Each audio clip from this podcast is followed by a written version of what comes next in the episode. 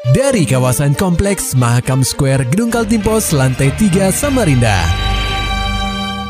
96,8 KPFM Kita akan ikuti program KP Flash News.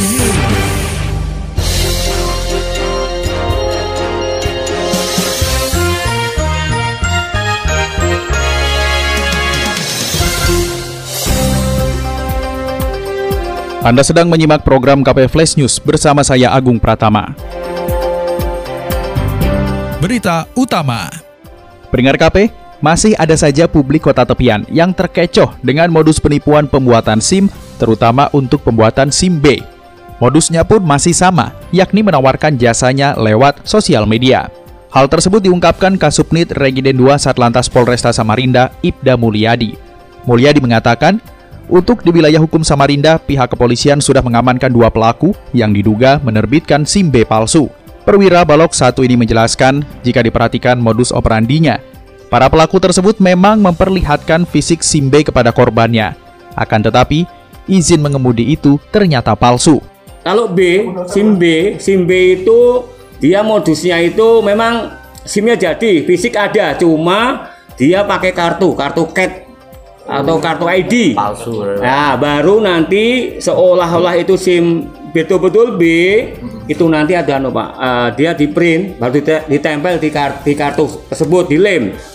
Nah, tapi makanya masyarakat harus tahu juga untuk membuktikan kalau SIM tersebut asli atau palsunya dari dilihat dari honogramnya. Mungkin kan kabur-kabur atau apa. Makanya kami mohon kepada warga Samarinda kalau masalah SIM kalau tidak jelas atau apa bisa ke Polres.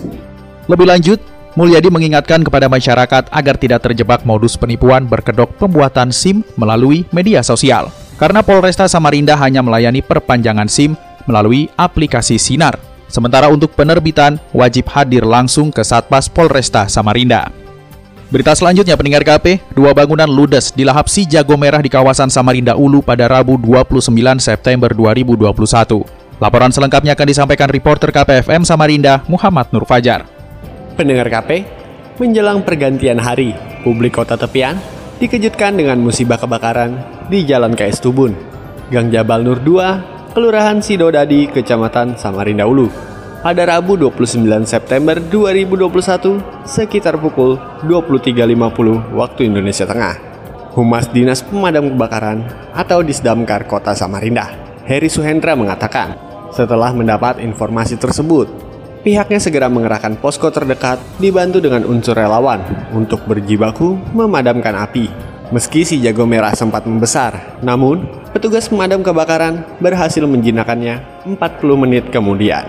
Akibat musibah ini, satu rumah tunggal dan satu bangunan kos tiga pintu ludes dilalap api saksi itu bilangnya bangunan eh, apa api berasal dari sela-sela antara bangunan kos-kosan sama bangunan tunggal itu gitu. uh. munculnya munculnya dari situ apinya bagian oh. belakang hmm, artinya belum tahu dugaannya karena apa bang ya Duh, belum tahu kalau oh, indikasi okay. awal sih masih kita masih konsleting sih konsleting bang ya uh. itu berapa menit bang ya, proses pemadaman bang penanganan kita 40 menit itu mm -hmm. proses penanganannya kita mm, itu kendala-kendalanya apa bang di sana bang ketika pemadaman kendala untuk nega uh, akses jalan sih aman aja untuk sumber air pun hmm. aman hmm. cuma uh, kendalanya di cuma di bangun, bangunan saja mayoritasnya bangunan kayu itu jadi hmm. kita untuk sementara, belum diketahui penyebab kebakaran yang menghanguskan dua bangunan yang dihuni dua kepala keluarga dengan jumlah enam jiwa ini.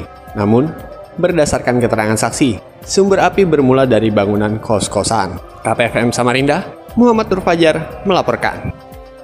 Dari dunia olahraga pendengar KP, Gubernur Isra Nur sebut atlet Kaltim fokus pertandingan di PON 20. Tak perlu khawatir soal bonus. Laporannya disampaikan reporter KPFM Samarinda, Maulani Alamin. Gubernur Kaltim Isra Nur meminta atlet yang bertanding di Pekan Olahraga Nasional atau PON ke-20 Papua fokus bertanding dan tidak berharap bonus. Hal ini disampaikan Isran saat melepas kontingen Kaltim menuju Papua di halaman kantor gubernur Jalan Gajah Mada, Samarinda. Orang nomor satu di Kaltim itu memastikan atlet tidak akan mendapatkan bonus pada tahun ini. Kendati demikian, Isran akan mengalokasikan bonus untuk kontingen PON pada APBD murni 2022. Karena itu, atlet diminta tetap semangat dan yakin bisa meraih juara. bonus sekarang nggak ada nanti mungkin dihitung dulu Kita lihat kondisinya hasilnya gimana dan mungkin juga dianggarkan pada eh, perubahan Perubahan durasi. jadi nanti mungkin di, kita switch ke anggaran murni 2022 Seluruh cabang olahraga yang diikuti Kaltim memiliki potensi mendulang medali emas. Namun provinsi ini memiliki beberapa cabang olahraga andalan yang berpotensi banyak menyumbang medali emas. Cabur tersebut di antaranya adalah gulat, pencak silat, layar, taekwondo, dan catur. KPFM Samarinda, Maulani Al-Amin melaporkan. Maulani Alamin, Muhammad Nur Fajar, KPFM Samarinda. Serta dapatkan berita-berita selengkapnya di www.968kpfm.co.id.